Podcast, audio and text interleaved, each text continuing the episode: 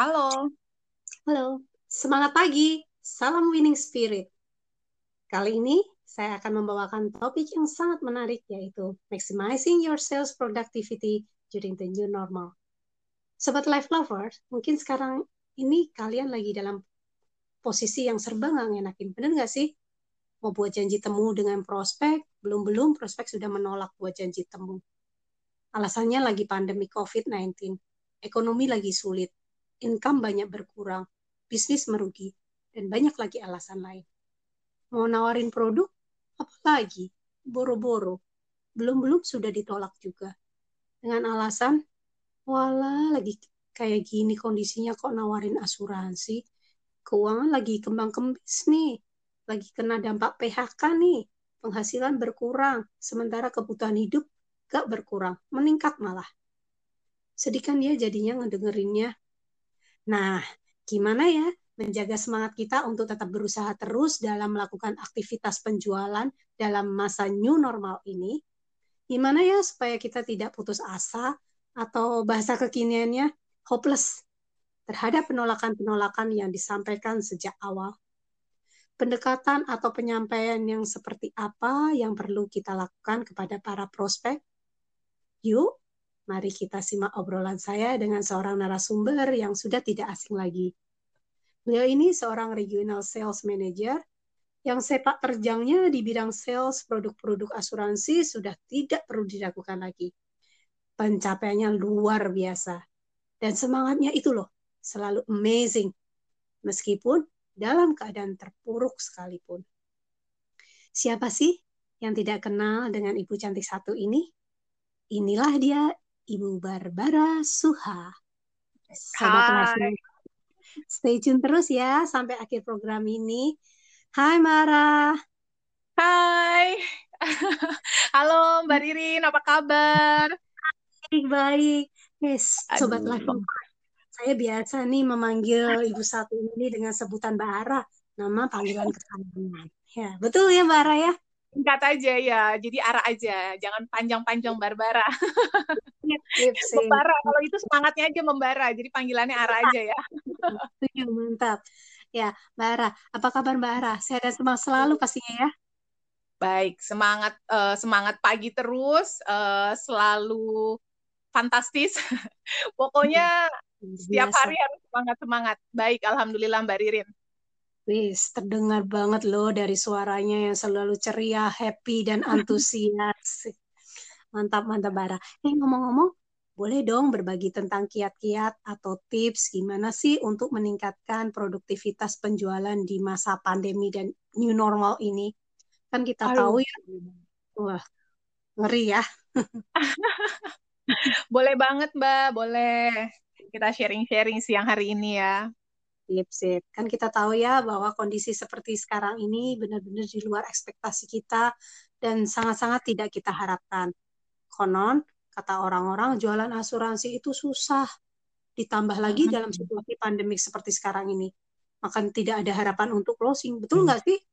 Mm-mm, ya, banyak orang pasti berpikirnya kayak gitu ya. Banyak bisnis uh, tidak bergerak ya, Mbak Ririn. Iya. Iya betul. Tapi kalau tak amat-amat ini ya, Mbak Ara sepertinya hmm. nggak terlalu terpengaruh dengan kondisi saat ini. Tetap antusias, produktif, dan selalu positif. Oh iya dong. Dia kan bocorin tips-tipsnya, kiat-kiatnya. Boleh banget. Ya kalau ditanya sekarang ini eh, nggak uh, berubah gitu, kayaknya nggak terpengaruh. Terpengaruh sih udah pasti ya. Semua orang pasti kena dampak daripada COVID-19 ini dalam udah hampir empat bulan kita lewatin ya Mbak Ririn. Mm-hmm. Tapi kalau mm-hmm. untuk saya sendiri uh, dengan tim ya tentunya karena saya bekerja tidak sendirian, saya bersama mm-hmm. tim. Mm-hmm. Ini hal yang menjadi challenge buat kita semua ya sebagai tim sales gitu loh. Oh, Jadi memang uh, uh, kalau saya lebih uh, mengarahnya ke hal yang positif. Jadi di saat ada pandemi COVID-19 Mm-mm. Ini menjadi challenge baru buat kita, lebih kreatif lagi gitu loh. Oh, Dipaksa gitu. untuk berpikir kreatif dan harus terus bergerak. Gitu loh Mbak Ririn. Iya, iya, setuju, setuju. Nah, menurut Mbak Ara nih, apa yang mesti para sales kita, para FNA kita lakukan di masa sulit ini? Di mana para pekerja ya. Mm -hmm. masyarakat kita kan kebanyakan uh, melakukan WFH gitu ya, work from iya, home. Ya, Terus uh, dalam rangka untuk melakukan social distancing nih. Kemudian banyak karyawannya dirumahkan, bahkan di PHK ya. Sehingga banyak pula orang yang kehilangan income. Gimana nih menurut Bara? Kalau menurut saya harus tetap bergerak, Mbak Ririn. Jadi gitu ya. kita mencari peluang dalam keadaan di mana orang-orang lagi terjebak dalam satu masalah, tapi para sales itu harus mencari celah untuk bisa tetap mendapatkan bisnis dan angka. Itu sih. Karena hmm. kalau hmm. di masa pandemik seperti ini, saya bersama tim itu sudah work from home itu dari tiga bulan yang lalu, Mbak. Oh, Kita di iya? Astra Life kan benar-benar menjaga sekali ya uh, untuk hmm. keadaan COVID ini ya, eh, sangat-sangat hmm. menjaga. Jadi dari tiga bulan lalu justru, uh, alhamdulillah ya, tim saya itu justru lebih aktif dan produksinya itu lebih merata. Jadi kan justru penurunan, tapi saya merasakan ada uh, progres yang lebih baik, ada aktivitas yang lebih yang dilakukan oleh tim saya. Karena satu, saya selalu bilang harus tetap bergerak, kita cari celah. Begitu Mbak Ririn. Oh gitu ya. Jadi ya. yang bisa dilakukan oleh para sales untuk menjaga atau bahkan meningkatkan produktivitas mereka di masa sekarang ini, yang nomor satu semangat hmm. ya. Iya dong, semangat dan harus tetap bergerak harus tetap bergerak. Kemudian ada lagi hmm. marah selain semangat um, dan kita bergerak? Pasti ada Mbak Ririn, karena kan hmm. kita bergerak juga kan bingung ya, bergerak kan nggak boleh ke mana-mana gitu kan. Oh, betul, bergerak, konteksnya seperti kan apa nih? ngapa-ngapain nih gitu kan.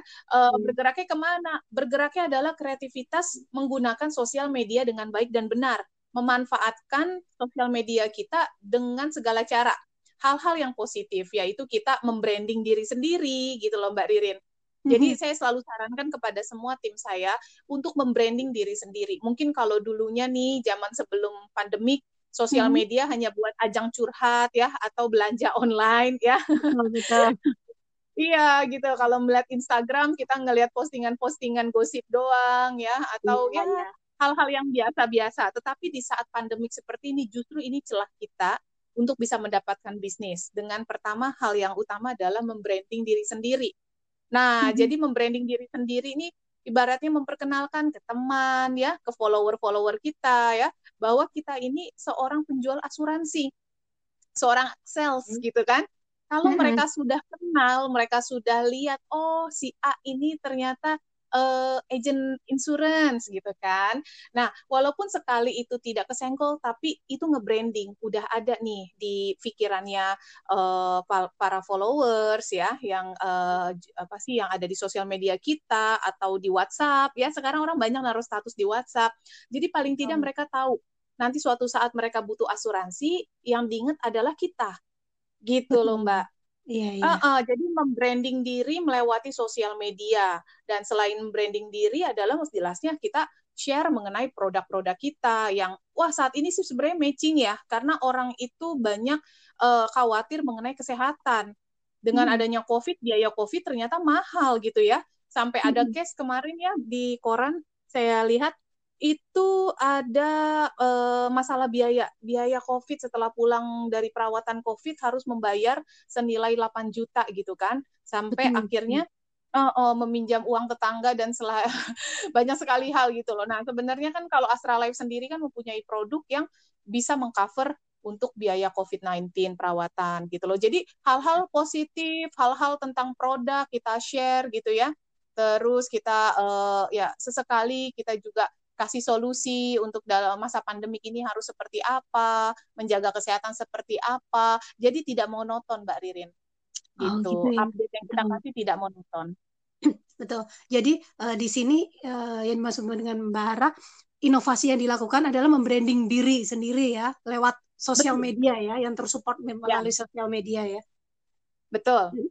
Karena Dan banyak itu, ternyata dari sales-sales itu sebenarnya hmm. kurang pede untuk membranding dirinya itu yang salah gitu loh. Oh, gitu ya. Itu yang salah hmm. menurut saya. Kenapa? Kalau orang belum kenal siapa kita, kita ini sebenarnya itu uh, udah ahlinya di bidang apa gitu ya, hmm. itu nggak akan dibutuh branding gitu loh. Jadi kita memang hmm. harus mengenalkan bahwa kita bekerja sebagai konsultan uh, di apa sih di bisnis ini gitu ya sebagai yeah. uh, advisor gitu kan ya mm-hmm. untuk masalah insurance. Jadi kalau mereka sudah mengenal kita, siapa kita dan di mana kita bekerja, itu suatu saat mereka pengen membeli sesuatu yang berhubungan dengan insurance atau menanyakan soal uh, kesehatan rumah sakit itu pasti ingatnya ke kita itu nomor satu mbak gitu loh cuma banyak uh, sales-sales mungkin yang kadang malu atau ah nanti dianggap uh, kerja di insurance jadi malah nggak uh, dideketin kata siapa gitu loh. Orang-orang yang kenal Ara berarti Ara itu kerja di insurance taunya gitu. Nggak tahu insurance kadang apa gitu ya.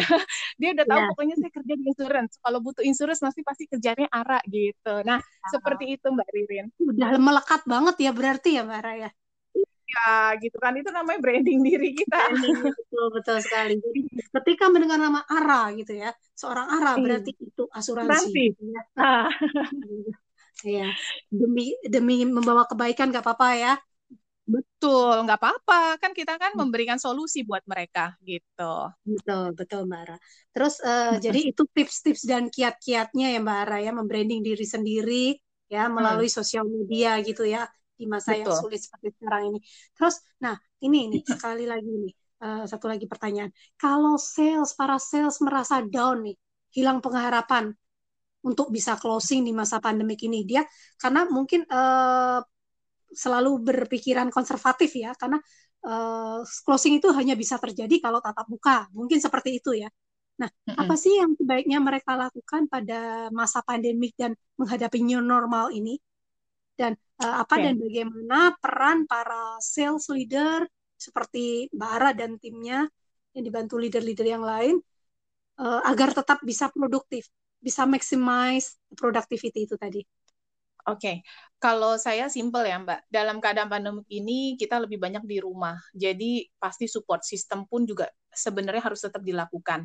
Uh, dan di kita pun juga sebenarnya support sistemnya itu ada juga di uh, apa tim Markom gitu ya, IT hmm. kita hmm. itu semuanya support gitu loh. Jadi untuk tim yang merasa down, untuk tim saya secara internal yang down, itu justru kita bukannya bikin makin tertekan, tetapi kita memotivasi mereka untuk bangkit. Dengan cara apa bangkitnya gitu loh. Seorang leader bagi saya itu tidak bisa hanya menyuruh, tetapi melakukan suatu tindakan untuk timnya. Salah satunya apa? Yaitu kita juga punya referral. Ya, mungkin uh, kalau timnya sedang down, udah pasti kalau down itu banyak penolakan ya Mbak ya. ya betul, udah pasti betul. karena banyak penolakan atau memang belum melakukan. Nah, caranya untuk seperti apa? Nah, sistem di sini harus ada duplikasi gitu. Beberapa mm-hmm. dari uh, tim leader saya juga itu untuk area manager saya itu dia selalu memberikan bimbingan langsung kepada para sales yang mengalami uh, apa down ya gitu loh mm-hmm. dalam menjalani pekerjaan. Contoh misalkan kita kan semua nasabah tidak ada yang uh, rata ya seluruhnya tidak mau ditemui, ada beberapa Betul. yang bisa ditemui gitu loh. Betul. Nah, yang ditemui itu butuh pendampingan oleh leadernya gitu. Hmm. Kira-kira hmm. kita itu bisa melihat apa nih kekurangan dari salesnya. Apa yang membuat dia itu akhirnya jadi down gitu loh. Mungkin presentasinya ternyata kurang bagus penjelasannya sehingga terjadinya penolakan, bukannya closing gitu loh Mbak.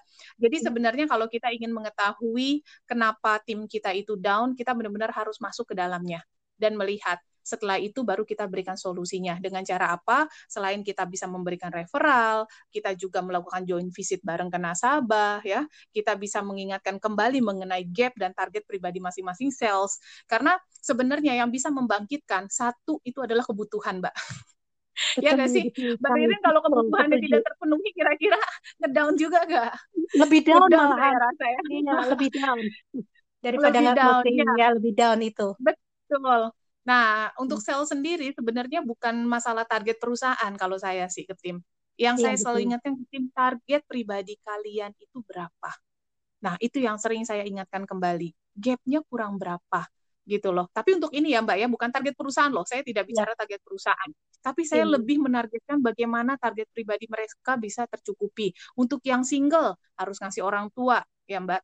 Betul. Yang single masih harus ngasih orang tuanya mungkin dia ngekos dia harus bayar kos kosannya ya terus hari-hari mereka harus terpenuhi walaupun mereka tidak keluar transportasi tetapi tiap hari kan harus dong kebutuhan pribadi ya, ya tetap ya, butuh harus makan butuh mandi mungkin ada gitu ya. cicilan ah iya, betul dong ada cicilan motor atau cicilan, cicilan mobil ya.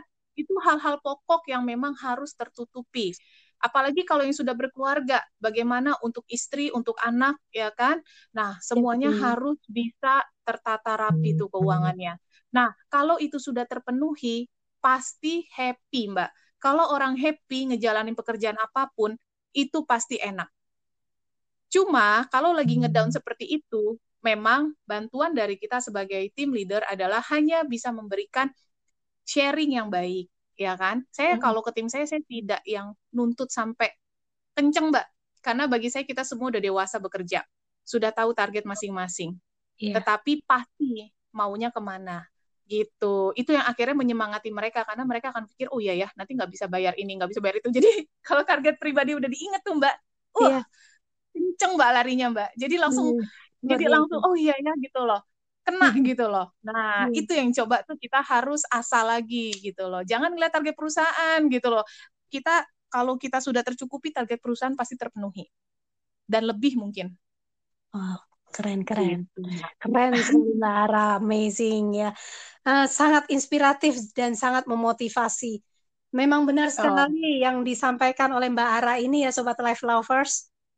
Jadi hmm di masa sulit seperti sekarang ini kita nggak boleh demotivasi. Betul kan ya Mbak Raya? Betul, betul. Jangan sampai demotivasi. Kalau sudah demotivasi, udah kita ketinggalan jauh. Gitu betul. loh. Karena sebenarnya betul. tidak semua orang terpuruk dalam keadaan pandemi. Orang-orang yang uh, punya ide-ide, orang-orang yang punya strategi dan bisa mencuri uh, keadaan ya dengan untuk hal yang positif, itu orang-orang sukses, Mbak gitu hmm. loh dan hmm. uh, kabar bagusnya juga selama tiga bulan pandemi ini justru yang tadi saya bilang di awal hmm. tim saya masih justru ada peningkatan oh, keren. dari internal kita ya hmm. dari produksinya ya. jadi bagi saya uh, tidak ada usaha yang meng, apa tidak hasil tidak ada hasil yang mengkhianati usaha gitu loh mbak hmm. jadi ya, memang harus tidak terus dilakukan yang mengkhianati usaha gitu ya iya gitu loh soalnya kita itu mesin mbak kita itu hmm. mesinnya gitu loh kalau mesinnya berhenti semuanya akan berhenti jadi nggak mau nggak mau yang namanya mesin itu kan harus terus bergerak. Iya iya gitu. betul. Betul. Harus positive thinking terus tiap pagi. Iya. dan berafirmasi ya, bahwa kita pasti bisa melewati ini semua dan ada jalan. Gitu, Mbak. Iya, betul sekali, setuju banget. Jadi sobat life lover, kita harus tetap semangat, terus bergerak mencari peluang inovatif dengan cara membranding diri sendiri lewat sosial media saat ini selalu punya niat yeah. untuk membantu sesama dan yang tak kalah pentingnya nih ya, ingat, ada kebutuhan pribadi yang harus kita penuhi. Penting Betul. banget. Ya, setuju. Bukan salah satu alasan sobat life lovers menjadi ya. seorang sales bukan memenuhi kebutuhan pribadi. Sama-sama, nah, Nara, terima kasih banyak sekali atas sharing motivasinya. Ini benar-benar Ya, benar-benar sangat bisa memotivasi teman-teman iya. sales ya supaya bisa mengoptimalkan iya, produktivitas harus. mereka. Orang-orang kaum milenial harus harus bisa berpikir ke sana. Banyak ya, ide-ide ya, yang bisa ya. dilakukan. Terima kasih. Betul. Betul.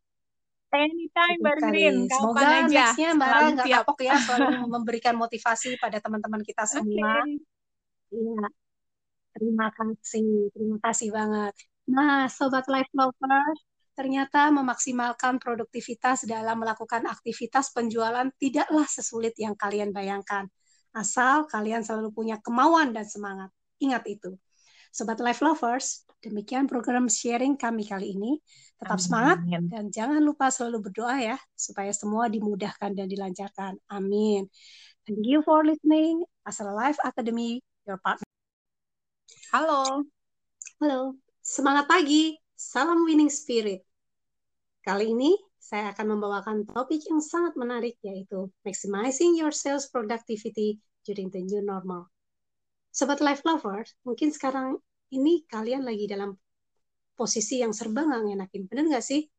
Mau buat janji temu dengan prospek, belum-belum prospek sudah menolak buat janji temu.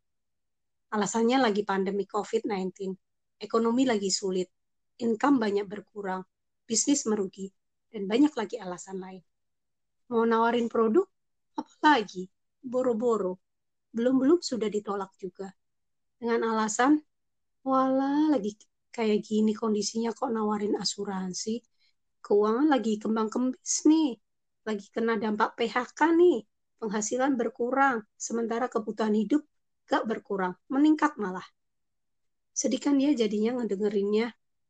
Nah, gimana ya menjaga semangat kita untuk tetap berusaha terus dalam melakukan aktivitas penjualan dalam masa new normal ini? Gimana ya supaya kita tidak putus asa atau bahasa kekiniannya hopeless terhadap penolakan-penolakan yang disampaikan sejak awal? pendekatan atau penyampaian yang seperti apa yang perlu kita lakukan kepada para prospek? Yuk, mari kita simak obrolan saya dengan seorang narasumber yang sudah tidak asing lagi. Beliau ini seorang regional sales manager yang sepak terjangnya di bidang sales produk-produk asuransi sudah tidak perlu diragukan lagi. Pencapaiannya luar biasa. Dan semangatnya itu loh, selalu amazing. Meskipun dalam keadaan terpuruk sekalipun. Siapa sih yang tidak kenal dengan ibu cantik satu ini? Inilah dia Ibu Barbara Suha. Sobat Hai. Stay tune terus ya sampai akhir program ini. Hai Mara. Hai. Halo Mbak Ririn, apa kabar? Baik-baik. Yes, Sobat Live saya biasa nih memanggil ibu satu ini dengan sebutan Mbak Ara, nama panggilan kesayangan. Ya, betul ya Mbak Ara ya? Singkat aja ya, jadi Ara aja, jangan panjang-panjang Barbara. membara, kalau itu semangatnya aja membara, jadi panggilannya Ara aja ya. Setuju, mantap. Ya, Mbak Ara, apa kabar Mbak Ara? Sehat dan semangat selalu pastinya ya. Baik, semangat uh, semangat pagi terus, uh, selalu fantastis. Pokoknya setiap hari harus semangat semangat. Baik, alhamdulillah Mbak Ririn. Wis, terdengar banget loh dari suaranya yang selalu ceria, happy dan antusias. mantap, mantap Bara. Eh ngomong-ngomong, boleh dong berbagi tentang kiat-kiat atau tips gimana sih untuk meningkatkan produktivitas penjualan di masa pandemi dan new normal ini? Kan kita Aduh. tahu ya, wah ngeri ya. boleh banget Mbak, boleh kita sharing-sharing siang hari ini ya. Sip, sip. Kan kita tahu ya bahwa kondisi seperti sekarang ini benar-benar di luar ekspektasi kita dan sangat-sangat tidak kita harapkan. Konon, kata orang-orang jualan asuransi itu susah. Ditambah lagi hmm. dalam situasi pandemik seperti sekarang ini. Maka tidak ada harapan untuk closing. Betul nggak sih? Mm -mm, ya, banyak orang pasti berpikirnya kayak gitu ya. Banyak bisnis uh, tidak bergerak ya, Mbak Ririn. Iya. Iya betul. Tapi kalau tak amat-amat ini ya, Mbak Ara sepertinya hmm. nggak terlalu terpengaruh dengan kondisi saat ini, tetap antusias, produktif dan selalu positif. Oh iya dong. Bersedia kan bocorin tips-tipsnya, tiap-tiapnya? Boleh banget. Ya kalau ditanya sekarang ini uh, nggak berubah gitu, kayaknya nggak terpengaruh. Terpengaruh sih udah pasti ya. Semua orang pasti kena dampak daripada COVID-19 ini dalam udah hampir empat bulan kita lewatin ya Mbak Ririn. Mm-hmm. Tapi kalau mm-hmm. untuk saya sendiri uh, dengan tim ya tentunya karena saya bekerja tidak sendirian, saya bersama mm-hmm. tim. Ini mm-hmm. hal yang menjadi challenge buat kita semua ya sebagai tim sales gitu loh. Oh, Jadi memang nih Uh, uh, kalau saya lebih uh, mengarahnya ke hal yang positif. Jadi di saat ada pandemi COVID-19, Mm -mm. Ini menjadi challenge baru buat kita, lebih kreatif lagi gitu loh. Dipaksa untuk berpikir kreatif dan harus terus bergerak. Gitu loh Betul. Mbak Ririn. Iya, iya, setuju, setuju. Nah, menurut Mbak Ara nih, apa yang hmm. mesti para sales kita, para FNA kita lakukan di masa sulit hmm. ini? Di mana para pekerja, ya, hmm. masyarakat kita kan kebanyakan uh, melakukan WFH gitu ya, work from iya, home. Ya, Terus uh, dalam rangka untuk melakukan social distancing nih. Kemudian banyak karyawan yang dirumahkan, bahkan di PHK ya, sehingga banyak pula orang yang kehilangan income. Gimana nih menurut Mbak Ara? Kalau menurut saya harus tetap bergerak Mbak Ririn. Jadi gitu ya? kita mencari peluang dalam keadaan di mana orang-orang lagi terjebak dalam satu masalah, tapi para sales itu harus mencari celah untuk bisa tetap mendapatkan bisnis dan angka. Itu sih. Karena hmm. kalau hmm. di masa pandemik seperti ini, saya bersama tim itu sudah work from home itu dari tiga bulan yang lalu, Mbak. Oh, Kita di iya? Astra Life kan benar-benar iya. menjaga sekali ya uh, untuk hmm. keadaan COVID ini ya, sangat-sangat uh, hmm. menjaga. Jadi dari tiga bulan lalu justru uh, alhamdulillah ya tim saya itu justru lebih aktif dan produksinya itu lebih merata. Jadi kan justru penurunan, tapi saya merasakan ada uh, progres yang lebih baik, ada aktivitas yang lebih yang dilakukan oleh tim saya. Karena satu, saya selalu bilang harus tetap bergerak, kita cari celah. Begitu Mbak Ririn. Oh gitu ya. Jadi ya. yang bisa dilakukan oleh para sales untuk menjaga atau bahkan meningkatkan produktivitas mereka di masa sekarang ini, yang nomor satu semangat hmm. ya. Iya dong, semangat dan harus tetap bergerak. Harus tetap bergerak. Kemudian ada lagi hmm. Mbak selain semangat um, dan tetap bergerak, pasti ada Mbak Ririn karena kan hmm. kita bergerak juga kan bingung ya bergerak kan nggak boleh ke mana-mana gitu kan. Oh, betul. Bergerak konteksnya seperti kan apa nih? ngapa-ngapain nih gitu kan. Uh, bergeraknya ke mana? Bergeraknya adalah kreativitas menggunakan sosial media dengan baik dan benar.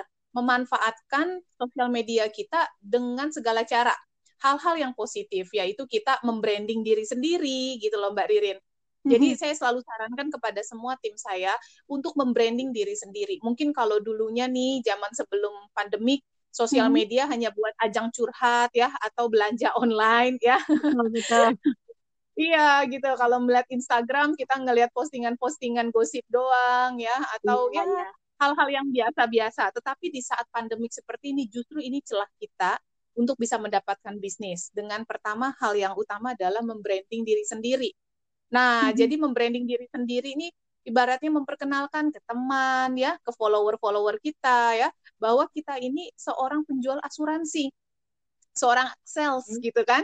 Kalau hmm. mereka sudah kenal, mereka sudah lihat, oh si A ini ternyata uh, agent insurance gitu kan. Nah, walaupun sekali itu tidak kesenggol, tapi itu nge-branding, udah ada nih di pikirannya uh, para followers ya, yang uh, apa sih yang ada di sosial media kita atau di WhatsApp ya. Sekarang orang banyak naruh status di WhatsApp. Jadi paling tidak hmm. mereka tahu nanti suatu saat mereka butuh asuransi, yang diingat adalah kita. Gitu loh, Mbak.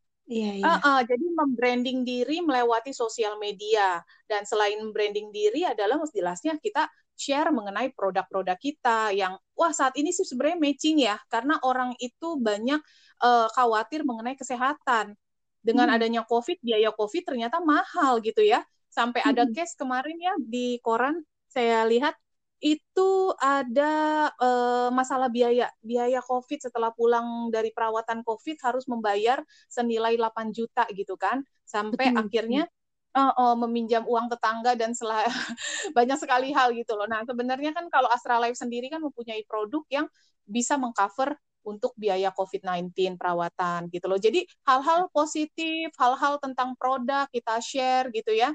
Terus kita uh, ya sesekali kita juga kasih solusi untuk dalam masa pandemik ini harus seperti apa, menjaga kesehatan seperti apa. Jadi tidak monoton, Mbak Ririn.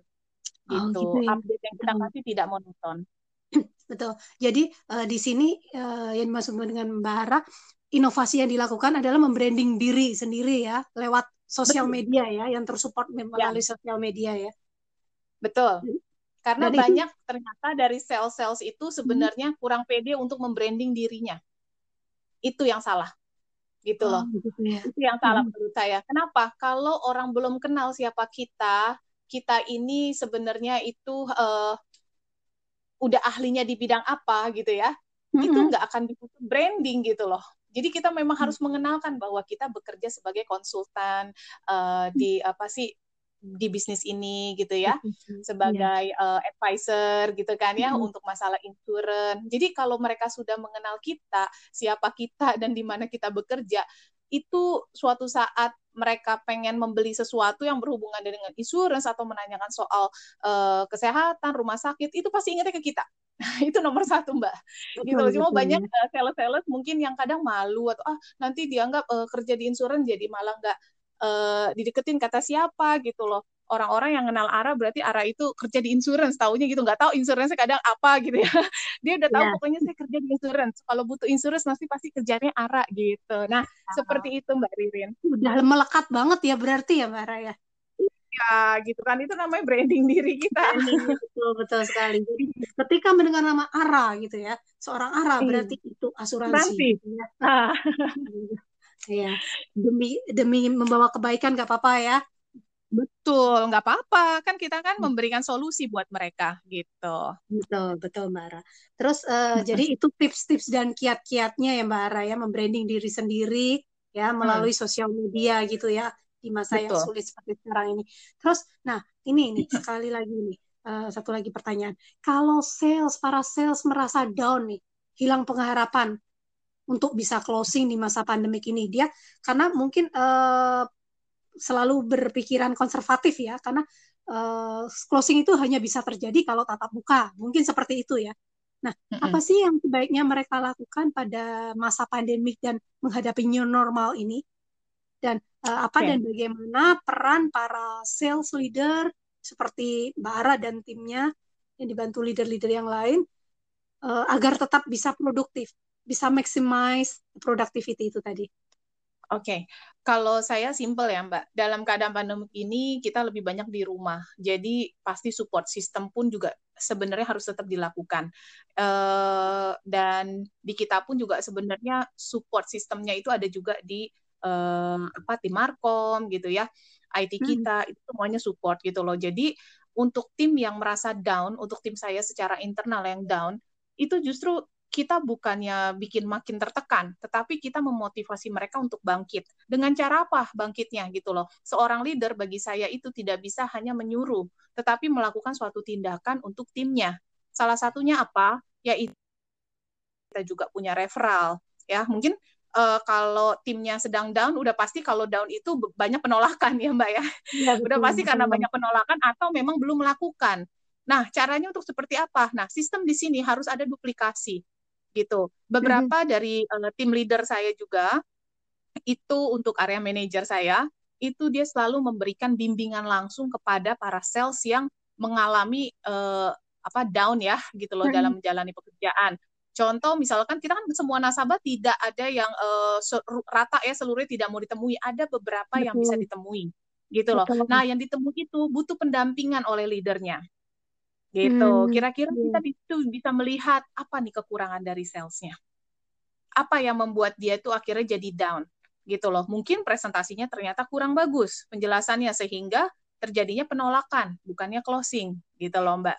Jadi hmm. sebenarnya kalau kita ingin mengetahui kenapa tim kita itu down, kita benar-benar harus masuk ke dalamnya dan melihat setelah itu baru kita berikan solusinya. Dengan cara apa? Selain kita bisa memberikan referral, kita juga melakukan joint visit bareng ke nasabah ya. Kita bisa mengingatkan kembali mengenai gap dan target pribadi masing-masing sales. Karena sebenarnya yang bisa membangkitkan satu itu adalah kebutuhan, Mbak. ya nggak sih, Mbak Ririn kalau kebutuhannya tidak terpenuhi, kira-kira ngedown juga nggak? Lebih down, down saya rasa ya. Iya, lebih down daripada lebih down, ya. ya lebih down itu. Betul. Nah, untuk hmm. sales sendiri sebenarnya bukan masalah target perusahaan kalau saya sih ke tim.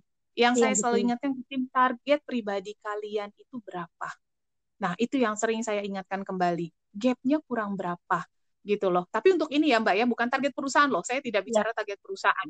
Tapi saya ya. lebih menargetkan bagaimana target pribadi mereka bisa tercukupi. Untuk yang single harus ngasih orang tua ya Mbak. Betul. Yang single masih harus ngasih orang tuanya mungkin dia ngekos dia harus bayar kos-kosannya ya. Betul. ya terus hari-hari mereka harus terpenuhi walaupun mereka tidak keluar transportasi tetapi tiap hari kan harus dong kebutuhan pribadi ya, ya tetap butuh harus makan butuh mandi mungkin ada gitu ya. cicilan ah betul dong ada cicilan motor atau cicilan, cicilan mobil ya. Itu hal-hal pokok yang memang harus tertutupi. Apalagi kalau yang sudah berkeluarga bagaimana untuk istri untuk anak ya kan? Nah semuanya ya, harus bisa tertata rapi tuh keuangannya Nah, kalau itu sudah terpenuhi, pasti happy, Mbak. Kalau orang happy ngejalanin pekerjaan apa pun, itu pasti enak. Cuma kalau lagi ngedown seperti itu, memang bantuan dari kita sebagai tim leader adalah hanya bisa memberikan sharing yang baik, ya kan? Saya hmm. kalau ke tim saya saya tidak yang nuntut sampai kenceng, Mbak. Karena bagi saya kita semua udah dewasa bekerja, sudah tahu target masing-masing. Yeah. Tetapi pasti maunya ke mana? Gitu itu yang akhirnya menyemangati mereka karena mereka akan pikir oh iya ya nanti nggak bisa bayar ini nggak bisa bayar itu jadi kalau target pribadi udah diinget tuh mbak wah yeah. kenceng mbak larinya mbak jadi langsung mm, jadi langsung oh iya ya gitu loh kena hmm. gitu loh. Nah, hmm. itu yang coba tuh kita harus asal lagi gitu loh. Jangan ngeliat target perusahaan gitu loh. Kita kalau kita sudah tercukupi target perusahaan pasti terpenuhi. Dan lebih mungkin. Oh, keren keren. Gitu. Keren Lara, amazing ya. Uh, sangat inspiratif dan sangat memotivasi. Memang benar oh. sekali oh. yang disampaikan oleh Mbak Ara ini ya sobat life lovers. Jadi hmm di masa sulit seperti sekarang ini kita nggak boleh demotivasi. Betul kan ya Mbak Raya? Betul, betul. Jangan sampai demotivasi. Kalau sudah demotivasi, udah kita ketinggalan jauh. Gitu betul. loh. Karena sebenarnya betul. tidak semua orang terpuruk dalam keadaan pandemi. Orang-orang yang uh, punya ide-ide, orang-orang yang punya strategi dan bisa mencuri uh, keadaan ya dengan untuk hal yang positif, itu orang-orang sukses, Mbak gitu hmm, loh dan hmm. uh, kabar bagusnya juga selama tiga bulan pandemi ini justru yang tadi saya bilang di awal hmm. tim saya masih justru ada peningkatan oh, keren. dari internal kita ya hmm. dari produksinya ya. jadi bagi saya uh, tidak ada usaha yang meng, apa tidak hasil tidak ada hasil yang mengkhianati usaha gitu loh mbak hmm. jadi memang ya, harus terus dilakukan yang mengkhianati usaha gitu ya iya gitu loh soalnya kita itu mesin mbak kita itu hmm. mesinnya gitu loh kalau mesinnya berhenti semuanya akan berhenti jadi nggak mau nggak mau yang namanya mesin itu kan harus terus bergerak. Iya iya gitu. betul. Betul. Harus positive thinking terus tiap pagi. Iya. dan berafirmasi ya, bahwa kita pasti bisa melewati ini semua dan ada jalan.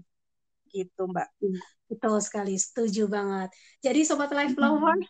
kita harus tetap semangat, terus bergerak mencari peluang inovatif dengan cara membranding diri sendiri lewat sosial media saat ini selalu punya niat yeah. untuk membantu sesama dan yang tak kalah pentingnya nih ya, ingat, ada kebutuhan pribadi yang harus kita penuhi.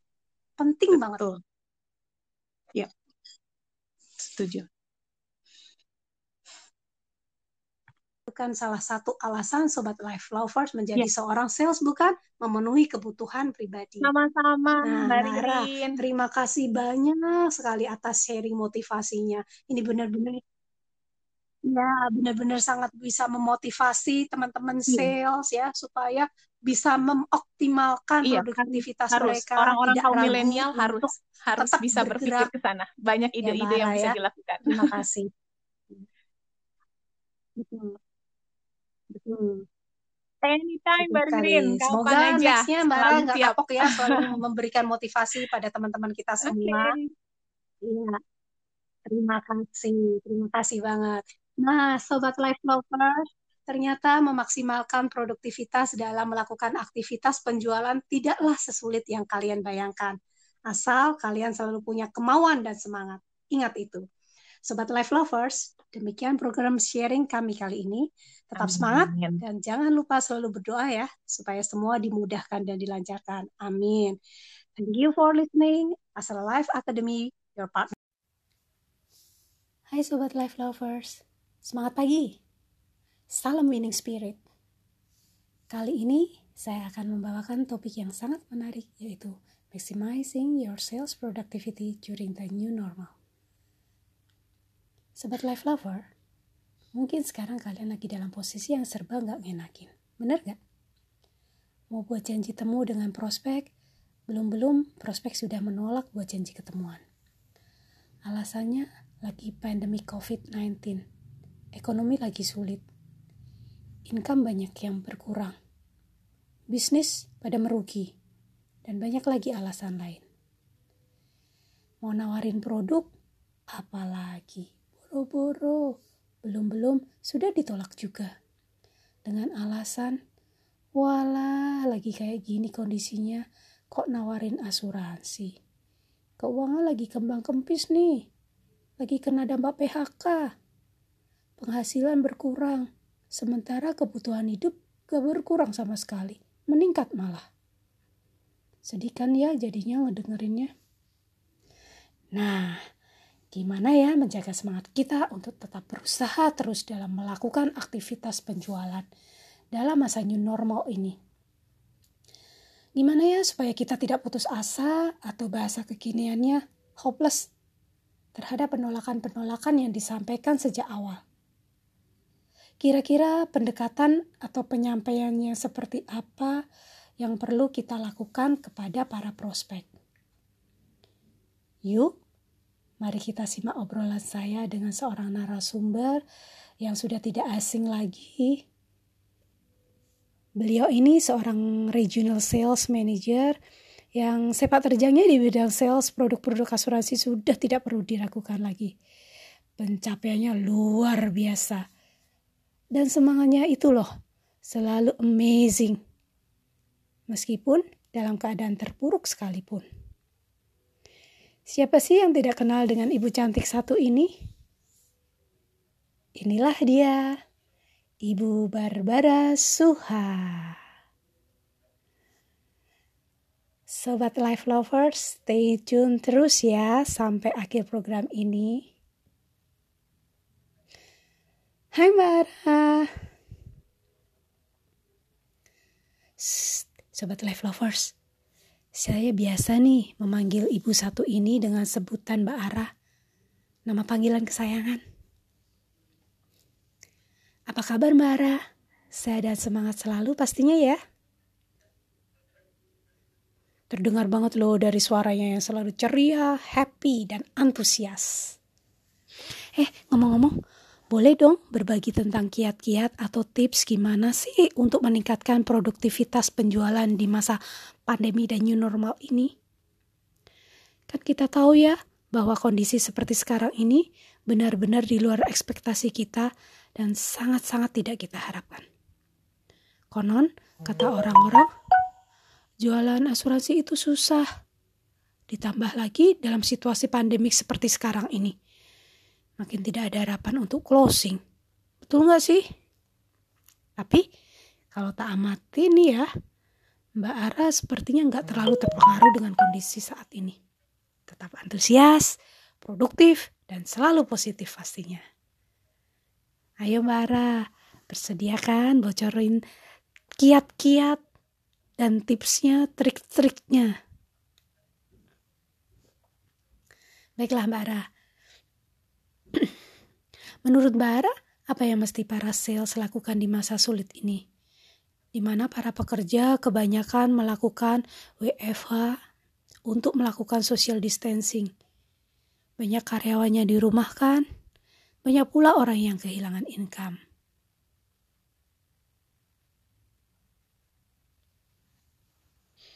Lalu, apa yang bisa dilakukan oleh para sales untuk menjaga atau bahkan meningkatkan produktivitas mereka di masa seperti sekarang ini.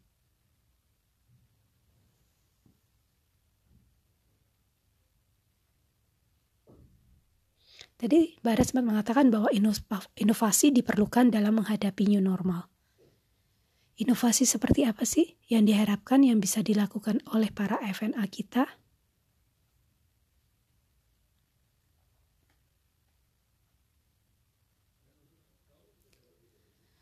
Apa tips atau kiat yang bisa Mbak Ara berikan di masa pandemik dan new normal saat ini?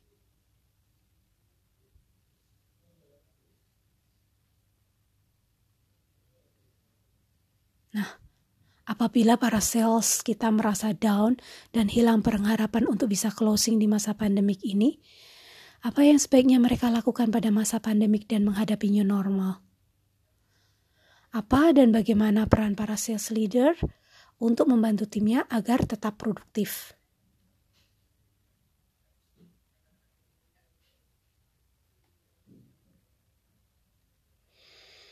Wow, keren dan amazing Mbak Ara. Wah, salut-salut. Sangat inspiratif dan sangat memotivasi. Memang benar sekali yang disampaikan oleh Mbak Ara ini ya Sobat Life Lovers. Jadi, di masa sulit seperti sekarang ini, kita gak boleh demotivasi. Betul kan, Mbak Kita harus tetap semangat, terus bergerak mencari peluang, inovatif, selalu punya niat untuk membantu sesama, dan yang tak kalah pentingnya nih ya, ingat, ada kebutuhan pribadi yang harus kita penuhi. Penting banget loh ini. Itu kan salah satu alasan Sobat Life Lovers menjadi seorang sales, bukan? Terima kasih banyak sekali yang Mbak Ara atas sharing motivasinya. Semoga nggak kapok-kapok untuk selalu kasih sharing kepada teman-teman sales. Nah, sobat life lovers, ternyata memaksimalkan produktivitas dalam melakukan aktivitas penjualan tidaklah sesulit yang kalian bayangkan. Asal kalian selalu punya kemauan dan semangat. Ingat itu. Sobat life lovers, demikian program sharing kami kali ini. Tetap semangat dan jangan lupa selalu berdoa ya, supaya semua dimudahkan dan dilancarkan. Amin. Thank you for listening. Asra Life Academy, your partner to success. Saya Anastasia Rosari, undur diri dulu. Bye.